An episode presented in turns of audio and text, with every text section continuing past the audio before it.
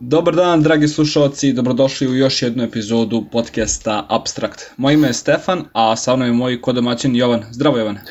Zdravo Stefane i napokon evo jedna epizoda koja se neće direktno ticati knjige, iako ćemo imati mali osvrt na tu knjigu jer smo zaboravili zapravo vrlo deo, jedan značajan te knjige, ja bih rekao.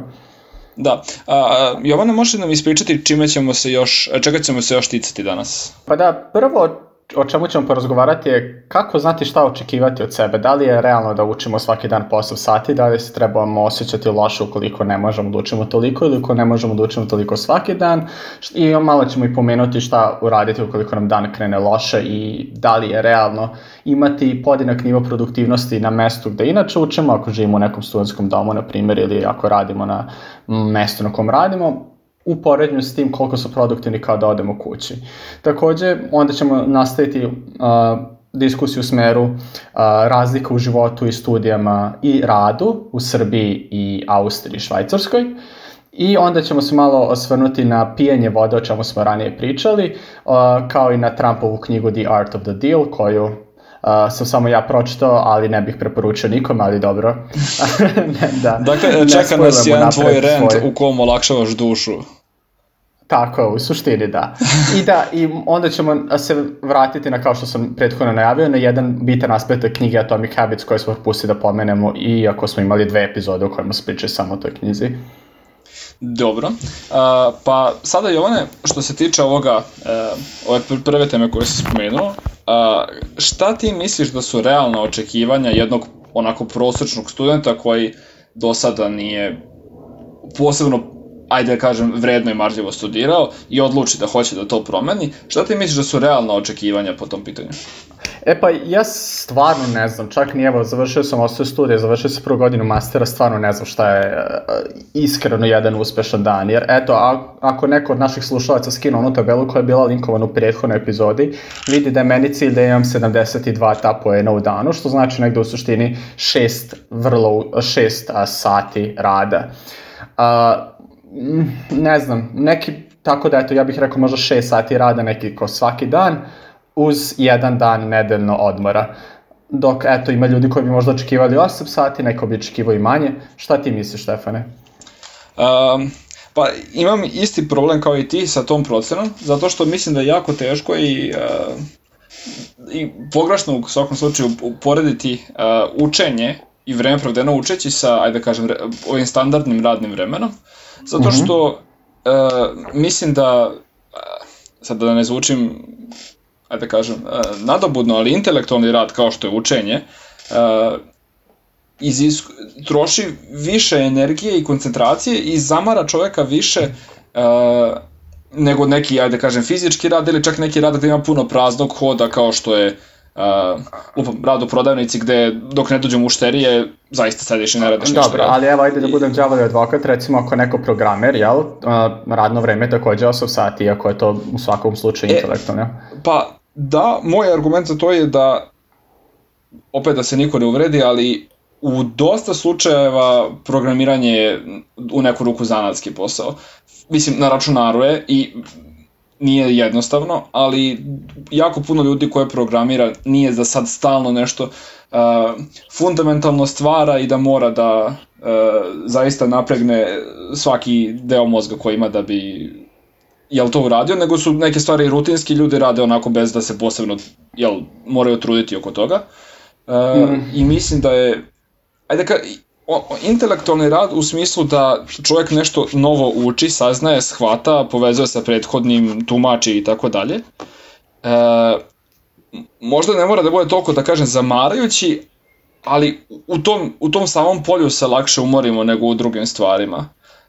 Ako razumeš što hoću da kažem.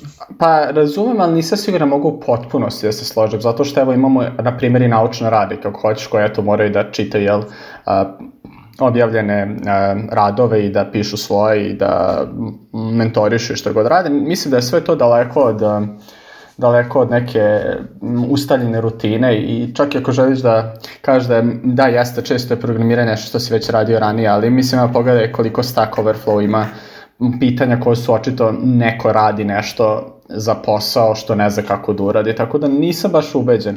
Ali mislim da si malo iz, iz, uspeo ovaj, da izbegneš odgovor konkretno. Da li uopšte možeš onda da mi kažeš šta je ok manje od 8 sati, ali koliko sati misliš da je produktivno, neophodno da bi bio produktivan dan ili misliš da i to zavisi od predmeta koji se radi? Uh, ne samo i od predmeta, nego i od toga kakav je rad u pitanju. Mislim, uh, ako treba da sedim i čitam iz knjige i eventualno pišem šta god radim da, je, da bi to učenje bilo efikasnije, mislim da bih se mnogo brže umorio nego da, nego da recimo rešavam zadatke. I ako bih u toku dana 5 sati proveo samo čitajući i saznajući nešto novo, učeći, to bi bilo izuzetno naporno. Uh mhm. -huh. A, I to bih smatrao, ajde da kažem, uspešnim za taj dan, prosto zato što dalje sve vreme koje bih posvetio tome ne bi vodilo ka puno toga dobrog. A ako bih sedao i radio zadatke ili nešto slično, verovatno bi možda i dogurao do, do ovaj, punog radnog vremena.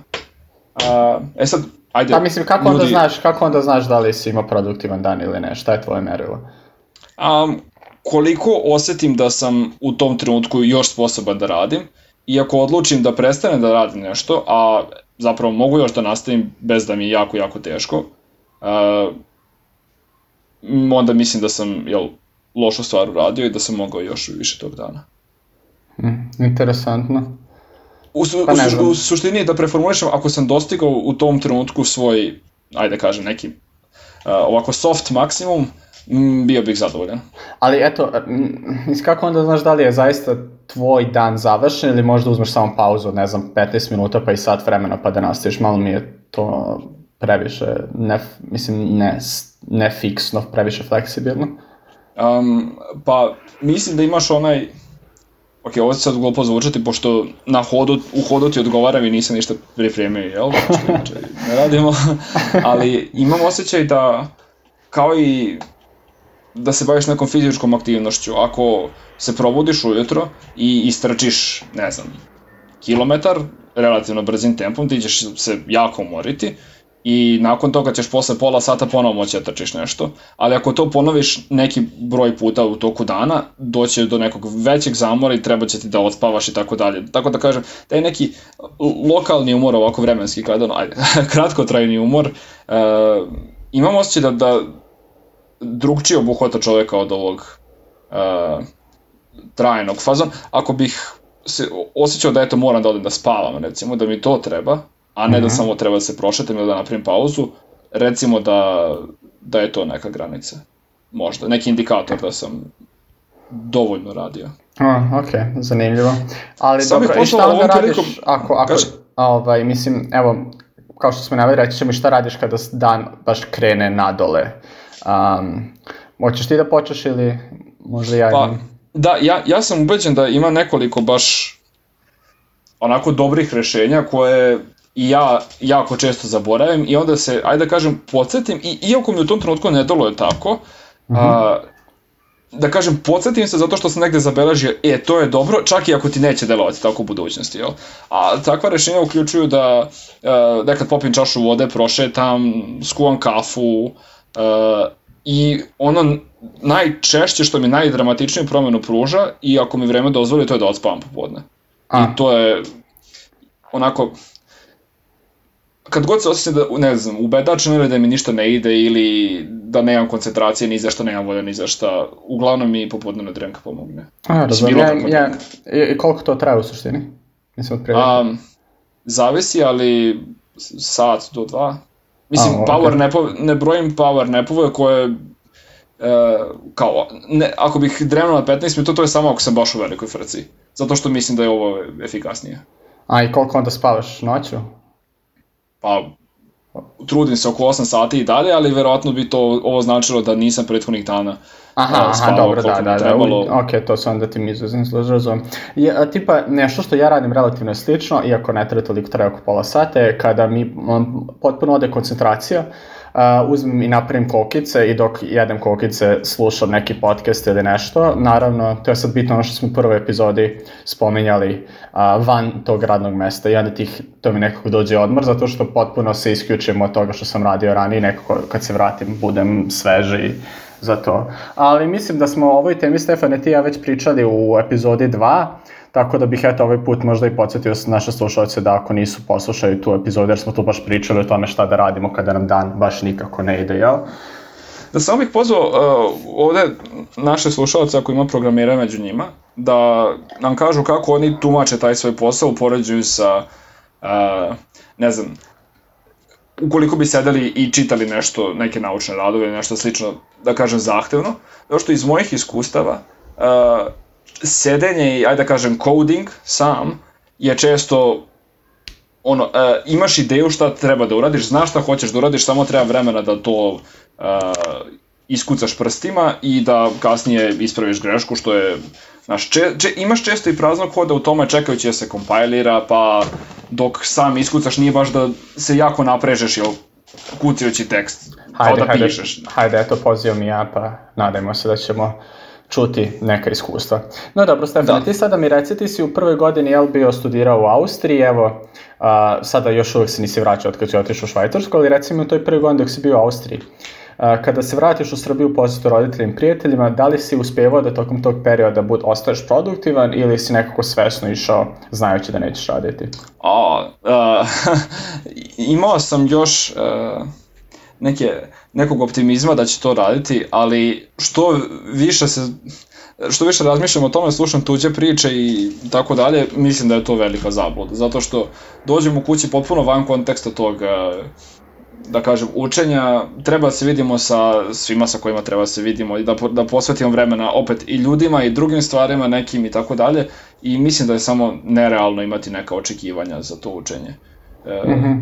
Mislim, to, to, to, neki, ajde da kažem, dokaz bi bio da, eto, da, da treba da isplaniraš sve šta, gde, s kim treba da se vidiš, šta se može da se desi, fazom da ideš sa porodicom na večeru, sa drugarima negde i tako dalje, i da mhm. pokušaš da u svaki dan uglaviš neko učenje, ja mislim da bi imao problem.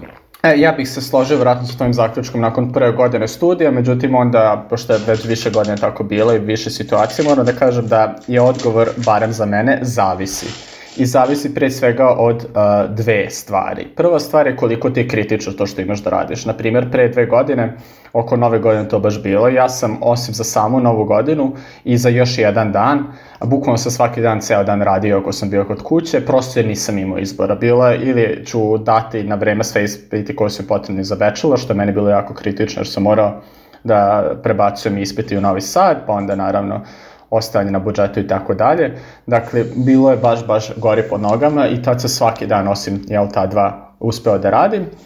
I, a, znači, to je kritično. Sa druga stvar je, a koliko imaš vremena.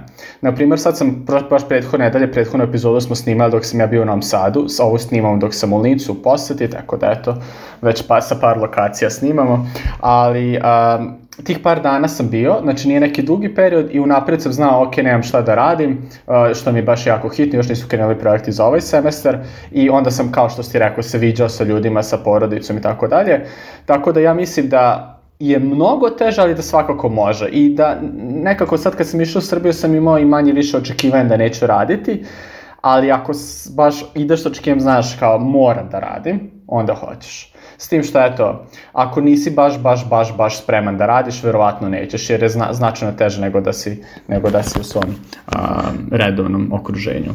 Da, mi, mislim da je to jako uh, poznato zapravo našim slušalcima, jer svi znaju kad zagusti i kad je uskoro ispitni rok, tada i dobiju motivaciju za učenje i ta frka im nekako pruži uh, ajde da kažem, neki posticaj dok o, jako često ljudi razmišljaju, ma ima vremena, ja ću to lagano, i čak ne samo da razmišljaju, pa kao odluče ili time racionalizuju, daj da kažem, ne, neko neučenje, nego stvarno i deluju demotivisano zato što nisu toliko angažovani oko toga. I aj sad samo na ovu temu, a malo povezano sa što smo pre pričali, mm -hmm. napomena, o, onih 5 sati, odnosno 8 sati, što sam ja naveo kao dve konkretne brojke, su neki e, dobri ciljevi kojih se evo i sada relativno redko, pri, e, koje i sada relativno redko dostižem, prosto zato što e, još, ajde da kažem, imam vremena pred učenje, u nekom sam toku sa gradivom u ne, donekle i nije da kasnim dovoljno da me zaista potera da jako puno učim. A imam toliko puno iskušenja e,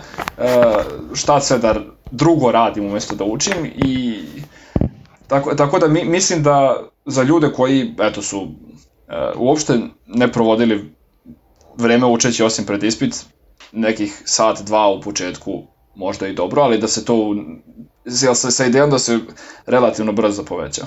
Da li bi se složio? Da. Pa, Zavisi, mislim, previše od predmeta, ali u suštini mislim da je to dobar savet. No, možda je to dobra i prelaz na to, jel, a, razliku u studijama u Srbiji protiv Austrije i Švajcarske. A, dakle, ja, ti si možda eto zanimljivije tu zato što si imao sve tri zemlje uvid, a ja sam eto imao za Austriju i Srbiju, pošto sam osnovne studije paralelno završavao, uglavnom u Austriji, ali sam i par ispita morao da dati, dati u Srbiji koji su se razlikovali, jel, po studijskom programu. I a, rekao bih da je glavna razlika između Srbije i Austrije, što u Srbiji i dalje, iako ima projekat i tako dalje, i dalje postoji taj nekako modus gde možeš da učiš pred ispit, dok a, tokom školske godine ima vrlo mali broj obaveznih domaćih i obaveznih projekata, dok u Austriji postoji vrlo mali broj predmeta gde zaista tako možeš samo na kraju da otvoriš knjigu i naučiš, jer uglavnom budu ili projekti ili a, zadaci koji se moraju raditi, koji su tipa 50 od 100 ocene. I konkretno, eto, razlika jedna koja je vrlo slikava ovo o čemu sam sad pričao, je šta znači vežbe. U Srbiji vežbe znači da odeš na predavanje i tu sa asistentom ili studentom, saradnikom ili kime god, zajedno se prolazi kroz zadatke. Dok u Austriji vežbe znači dobiješ domaće zadatke i onda na vežbama asistent proziva sa neke liste gde su označeni ko je ko prijavio koje zadatke i koga prozove taj izađe na tablu i prezentuje svoje rešenje i pritom biva ocen, ocenjen. I onda na kraju ocena je 50 od 100 ocene, recimo, je koliko zadataka si uradio, plus koliko si dobro prezentovao zadatke za koje si bio prozvan. Uh, dobro, slažem se, ja sam jel godinu dana, kao što ti rekao, proveo u Austriji i zapravo mi se dopada ta, uh, taj uh, princip.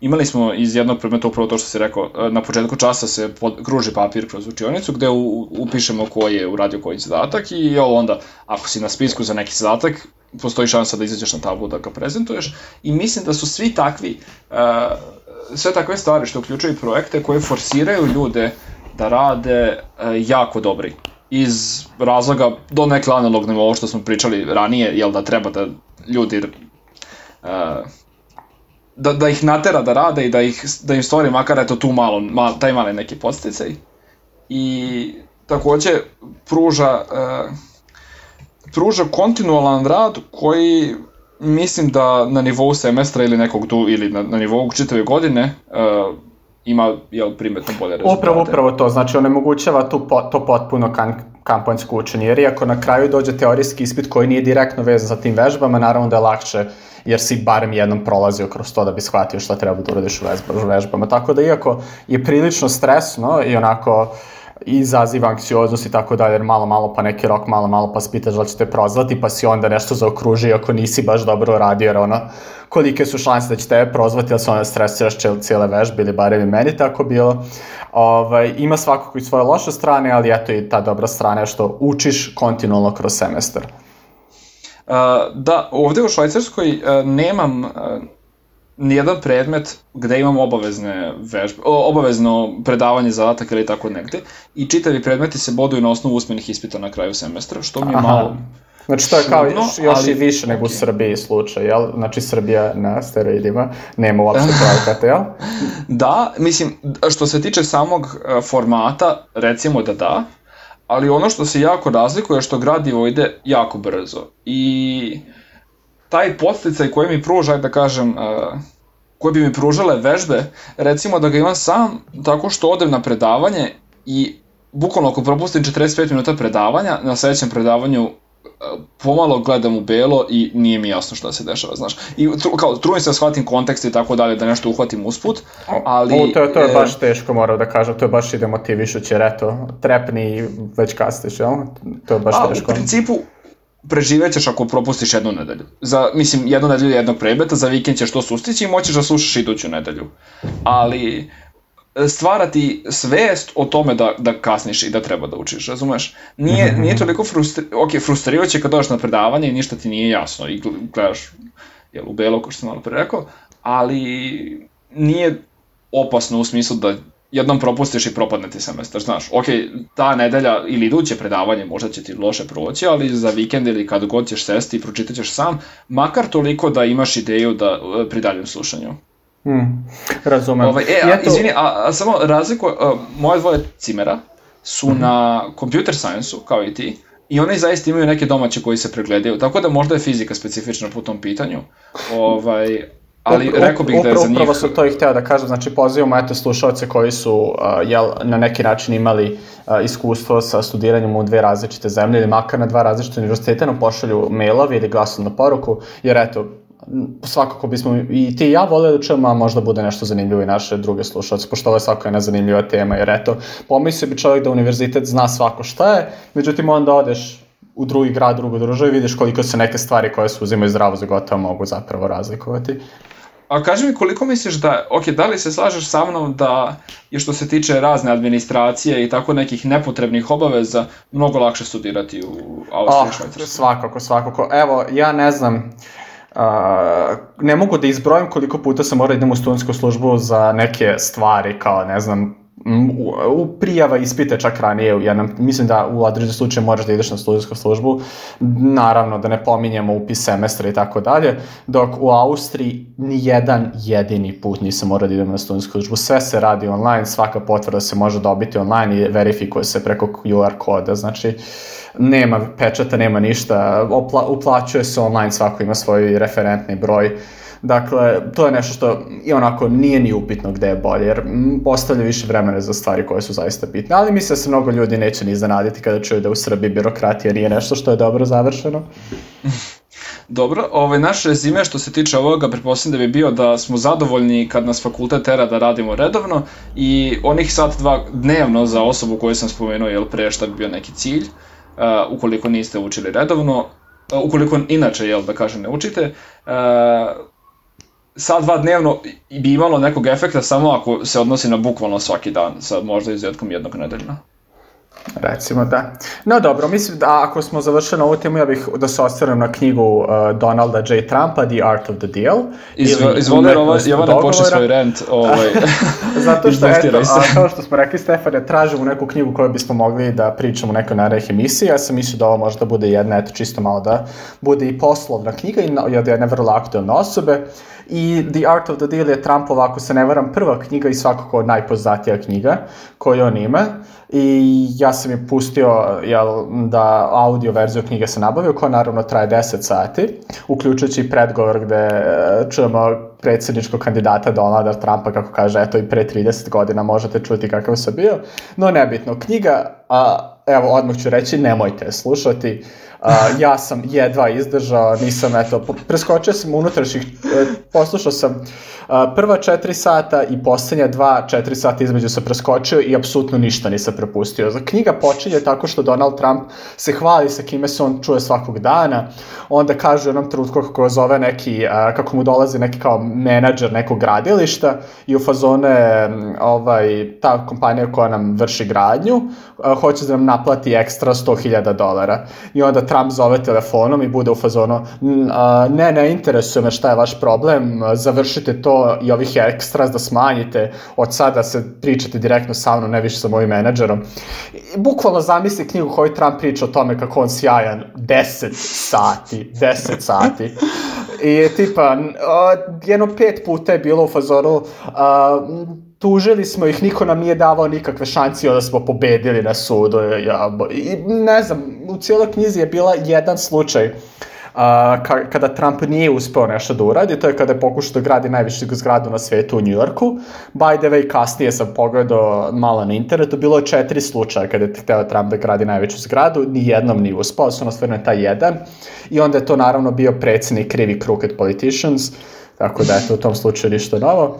Ali, da, i onda je bio jedan potpuno čudan deo gde on priča o tome kako upoznao svog kao omiljenog advokata, i upoznao ga tako što ga pitao šta misli o settlements, a, jel, o tome kada se van sudski plati onome ko tuži, jel, sada pravnici, naravno, žalbe na abstract.pošto.gmail.com, ali to je suština. Dakle, platiš settlement i onda, ne, onda se odbaci ta tužba i advokat bi u fazonu da, da, nema potrebe da se žališ, naročito u tom konkretnom slučaju, a konkretan slučaj je bio to da su Trumpa, Donalda Trumpa i njegovog oca, afroamerikanci tužili za diskriminaciju prilikom izdavanja stanova. I Trump je bio u fazonu, ma da, kakva diskriminacija kad mi imamo crne ljude koji su kod nas iznajmili stanove. Dakle, logika 10 od 10. I uh, sad je on našao tog advokata koji je sjajno u fazonu nećemo mi settlement, išli su na sud, naravno niko im nije davao nikakve šanse, međutim uspeli su da pobede i na kraju su platili samo vrlo mali settlement. Ja sam bio u fazonu koji džavo, za nije cijela poenta bila da nećeš da platiš settlement i onda na kraju je platio manje settlement. A, i, i tako, i onda, i onda ne znam, a, premis na početku knjige čisto te zalente jer su bio u fazonu kako traži avion i onda neka rekao by the way I got a plane i onda se hvali kako neka kompanija propali, on je dobio avion za 7 miliona i tako. znači, zvuči, kao, a, zvuči kao Rambo u nekom poslovnom svetu gde a, se sam bori protiv svih i nikomu ne daje nikakve šanse, ali Da, da, bukvalno, Onda se desi bukvalno, čudo. eto, i bio sam iznenađen kad sam čuo, eto, da je tu, da je u knjizi napisao da poslovnu zgradu najveću na svetu nije uspio izgraditi, naravno da nije on kriv, nego političar. Ali, eto, znači, pročito sam ja već i neke takve knjige od biznismena, e, konkretno uh, Rich Dad, Poor Dad je posle neke koje se pročito, koja je isto vrlo loše napisan, ali barem ima neke ideje koje kao, eto, možda razmišlja kasno njima. Ova knjiga, apsolutno ni o čemu ne mogu da razmišljam, ne preporučam nikako i Tako, eto, to je kratko. Nadam se da sam ukratko prenao svoju frustraciju sa ovom knjigom. Moglo bi ovo malo duže da traje, ali verujem da je dovoljno. Da Jel ti laknuo? Pa iskreno se lakše osjećam. Osjećam, e da, osjećam e, sad jako dobro. Bukvalno pre dva dana dok sam bio u Srbiji, znači taman su me zvali dok sam u Srbiji, su me zvali iz iz korisničkog servisa, 8 minuta sam se žalio i bukvalno posle sam se osjetio malo bolje. Ništa bolje mi neće biti, ali uspio sam da se požalim na svog operatera. A, dobro. Uh, ok, sad je one... Uh, Da, e, na, na priči, na priči jedan jako vode. jadan uvod, odnosno šlagvord za našu iduću ajde, temu. Ajde. Pa sad jesi spreman? Ajde, čujem Ove, E pa Jovane, ti, vidim da te tako, kad te nekad stvari izvedu iz takta, da li nekad uzmeš pa onako popiješ čašu vode možda? evo, evo, a, to je dobar segway. a, ne da se sećam, ali ajde reci, reci oko čega je tačno bila naša rasprava za slušalce koji nisu čuli prethodnu uh, da. epizodu. Naša rasprava je bila o, o tome uh, koliko često treba da se dnevno pije voda i da li čovek treba da pije vodu i kad nužno ne osjeća da je žedan. Ja sam zagovarao strano da treba uh, sa argumentom da je žeđ odgovor organizma kada mu već un, više fali ovaj, vode nego što kada mu već neko vreme fali vode a da organizam često nije potpunosti hidriran i dok mi nismo žedni, samo što ne dobijemo taj respons na vreme. Evo, evo, evo, ajde da ne dogalačimo, onda da kažem svoj glavni argument. Kako možeš da, primetiš, da ne primetiš da nisi pio dovoljno vode, zar to ne bi značilo da ljudi koji su živeli u, ono, ne znam, u kamenom dobu bi umirali od žeđi pošto nemaju aplikaciju da ih podsjeti da pije vode. Ja mislim da tipa imamo ugrađen mehanizam koji nam govori da smo žedni, bukvalno imamo osjećaj za to. Uh, ok, govorite da se približavaš nekom dugom thresholdu, jel, za to, a ne govorite da samo nisi, ajde da kažemo, na nekom optimalnom nivou. Mm. I jako često se dešavalo, mislim ovo iskustveno govorim, i ovo je definitivno činjenica zašto se u praksi dešava ljudima svakodnevno, da piju vode izuzetno redko jer se prosto zarade, znači nešto im odvuče pažnju i, i zaborave da piju vode i od toga a, ne osete toliki neki nedostatak, ali delom zbog toga što su toliko fokusirani na nešto drugo i možda ga i suzbiju u nekoj meri. I kad sam bio u ovom e, u petnici na seminaru, mm -hmm. jedna devojka se bila razbolela i actually razlog... Da, to, razlog... da kažem možda samo za slušalce koji ne znaju šta je petnica, Stefane, jel? Da je to, možda za slušalce koji ne znaju, dakle Petnica to je naučni centar za srednjoškolce, ima različite kursove između ostalog, ali tako i fiziku na kojoj ste bio i antropologiju, sociokulturno na kojoj sam ja bio i mnoge druge. Ali da, to je za srednjoškolce i preko leta i poznate po tome što se jel mnogo radi i malo spava. E, da, ali zapravo jako cool. E, svakako poenta, kad su je pitali posle dobro je pila je zapravo, onda je skontala ju kao jako, jako redko, zato što ok, sedi tamo i šta god da radi ili priča sa ljudima ili šta god radi nekoliko sati i nema pri ruci vodu i onda ožedni posle 5 sati i onda popije čašu vode i ona je utoli žeđ, ali uh, samo splasne taj osjećaj da je žedna. Kao kad si gladan pa pojedeš ono, ne znam, 5 grisina da zavaraš glad, a da li si zadovoljio potrebu organizma, not really. Well, uh, nisam, iskreno, ja da pojedem pet gresine i dalje bio gradan i tipa ne, ne delim to iskustvo da ne osjećaš da si žedan. A na, ako ode na trčanje i popijem čašu vode, ja ću biti dalje žedan. Tako da moguće da na individualno bazi, međutim sad bih te podsjetio na onaj video Adam Ruins Everything, uh, Adam uništava sve kad ima Adam Ruins Water, gde priča o tome da u suštini nema studije koje pokazuju da je voda zaista, da tipa, da je osjećaj uh, žeđi odvojen od pravog osjećaja za pijenje vode, koji se ne može povezati sa ovaj, jel, fundingom, to jest davanje novca nekih od kompanija koje proizvede bilo flaširanu vodu, bilo one hidrantne uh, napitke kao što je Gatorade i ovom prilikom ću da, staviti naravno u opis epizode i linka tom videu. A međutim, ti se, tebi se taj video uopšte nije dopao, Stefane, hoćeš možda da rezimiraš za slušalce zašto misliš da taj video loš? Uh, u principu nekim uh, kvazi argumentima i podsmevanjem jel, onog suprotnog sta, uh, onom suprotnom stavu uh, i ga je nekako obezvrednio bez da mi je toliko, bez da mi je potkovano koliko bih zapravo voleo, a na temu ovog Gatorade-a i, mislim, slično, ajde, Coca-Cola i sličnih stvari, uh, ne to ne toli žeđ, šećer koji unosite time i ostalo što unosite time vam a, zapravo vezuje vodu otprilike koliko i unosite i pijete vodu umesto toga, voda je dobra, voda je zdrava. Pogotovo ako idete napolje da pijete, voda rešava ima morluk. I ako niste, e, e, eto, eto, Ajde. ako nisi žedan i piješ uveče vodu dok, dok piješ ovako, jel? Uh, ili, ili, dok ne, ili pre nego što odeš da spavaš, to isto znači ako ste pili alkohol pre nego što odeš da spavate, popite nenormalnu količinu vode, znači litar vode ako možete i bit će mnogo mali mamurluk, to se čak neću ni ne složiti, to je prosto činjenica, to je svakako. E, i to je, to je primer kada si ti uneo stvari u organizam, uh, respons da si žedan ti još nije stigao, ok, delom zato što će taj alkohol... Ali zato što alkohol... ćeš otići da spavaš. Da, i delom zato što će ti alkohol vezati vodu kroz tokom sna, re, ok, hajde, ali i ok, ne može organizam ti najavi, e kao, bit ćeš žedan za dva sata, pa da, da ti sad šalje respons. Ali Ali ti kad odeš da piješ, ti da počneš da piješ u, da... ne znam, 9 sati i u 1 i dalje nisi žedan. A pivo ili šta god da piješ žestina ne utoljava želj, zaista. Mm. Dobro, a, sada moram samo da se ostanem kratko na taj video što si rekao. Ja mislim da se lik ne podsmeva i da sve svoje izjave A, ima naravno linkove koji se pojavljaju gore u videu i on je prosto komičar. Sad naravno tebi možda se ne sviđa njegov vid humora, ali meni je ok. No neka slušalci pogledaju video pa nam pošalju svoje mišljenje na abstract.posta at gmail.com. Šaljite svoje iskustva, ovaj...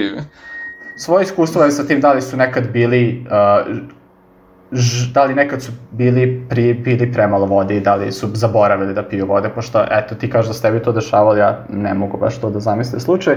No eto možda tu da i napravi jedan plot twist, ja zapravo pijem enormnu količinu vode, pijem daleko preko 2 litre vode, koliko je preporučena doza.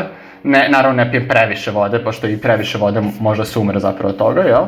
Tipa, ako bismo popili 6 litara vode, zapravo bismo umrli od previše vode, pošto bi se stvorio jedan disbalans minerala u organizmu.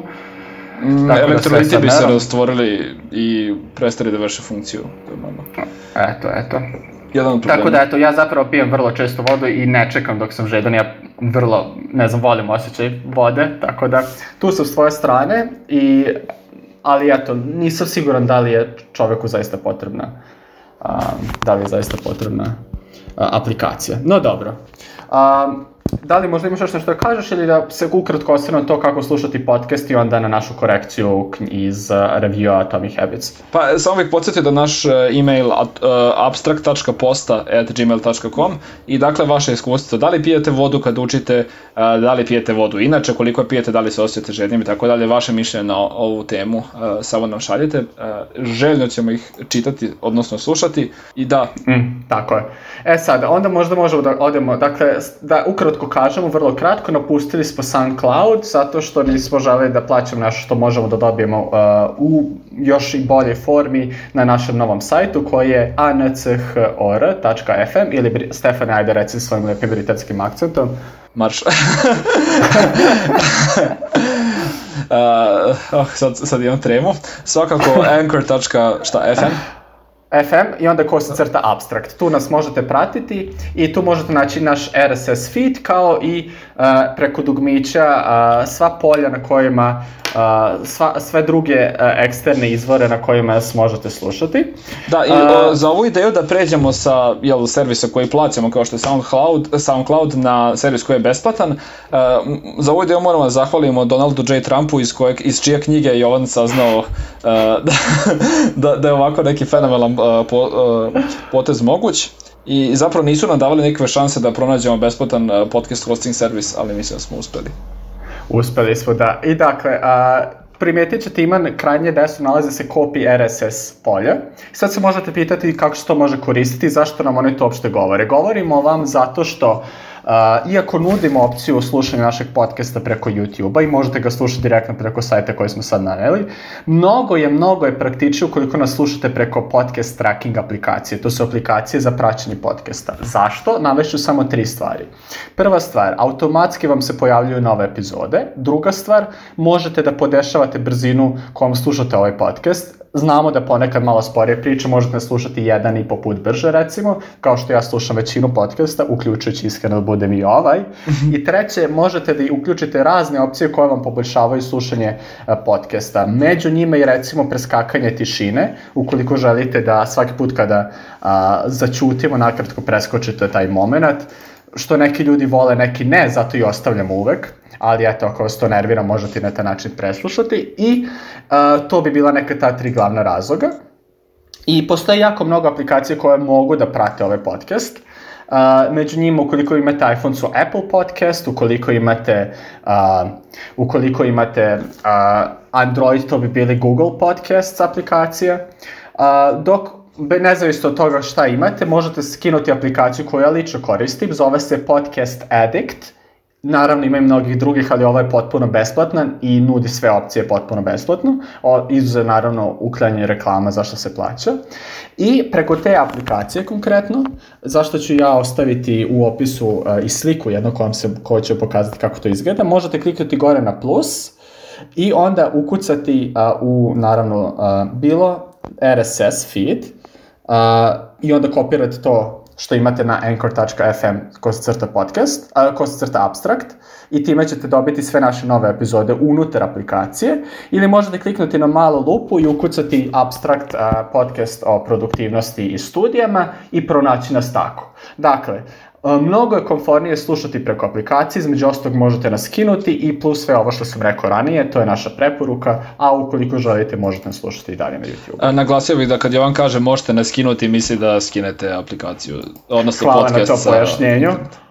Hvala na tom pojašnjenju. Tako je. E, dobro, pošto smo, evo, u 38 minutu, ako ne budemo ništa bitno editovali, ovog snimanja, Predložio bih da samo na brzinu se osvrnemo na ono što smo želeli eh, na sadržaj da, iz knjige da. Atomic Habits. Uh, naime, mm -hmm. uh, James Clear, autor te knjige, je u nekom uvodu na početku naglasio koliko smatra da je bitno uh, da se promena jel, navika vrši u tri koraka, a prvi korak i najbitniji je promena identiteta. Uh, ilustrovaću to primerom gde recimo da ste bivši pušač u zagradi u pokušaju ili šta god i neko vas ponudi cigaretom i vi sad kažete a ne hvala pokušavam da prestanem da pušim. Ili kažete e, ne hvala ja sam ne pušač. Gde ova druga stvar e, je zapravo jedan vrlo efikasan trik za e, što, ajde reći ovo glupo ali za zavaravanje mozga gde već stvarate sebi neku sliku o sebi u glavi i maltene ubeđujete sebe u to da ste vi zaista već prestali da pušite, što možda zvuči tako jel, glupavo, ali pričali smo pre o tome kako placebo zapravo fenomenalno radi u odnosu na jel, očekivanja. Da, mislim da se zapravo ubo baš dobar primer koji oslikava to o čemu se na, govori i A, prosto mislim da zaista ima, čak i za slušalci koji su poslušali naše prethodne dve epizode, ima koristi da poslušaju i knjigu i sami za sebe. I onda će i videti zapravo zašto je ono o čemu smo mi pričali prethodne dve epizode, to je kako da se neka navika stvori, nešto što ima smisla tek ukoliko mi pre toga shvatimo kakav je to identitet koji mi želimo da imamo.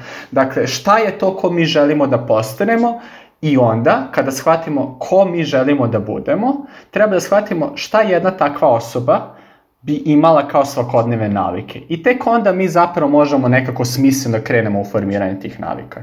Da, dakle, e, tri neka, uh, ovo su, nisu oni segmenti navika o kojima sam pričao, nego ovo se tiče proces, pro, uh, procesa promene jel, osobe, uh, su prvo promena identiteta, potom promena postupaka kojih dovodimo do trećeg, što je promena zapravo ciljeva, postizanje tih ciljeva, promena zapravo. Tako, i naravno, da biste mnogo bolje shvatili kroz još mnoge primere ovo i, ovu vrlo bitnu vezu između identiteta i navika, pozivam vas eto još jednom i ovaj uvodni posliji put da pročitate Atomic Habits. E, dobro, e, mislim da je, to, da je sad vreme da se pozdravimo sa našim slušalcima.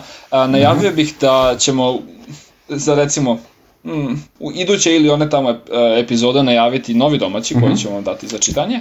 A, takođe, a, imat ćemo a, poruke slušalaca, odnosno čitaćemo a, poruke slušalaca u iduće epizode, prosto a, jer nismo stigli da ih uglavimo u ovu i nismo mogli tako da koncipiramo. A, takođe, ponovo ćemo čuti isečke a, iz Marinine poruke, koje smo imali u Tako je, tako je, da.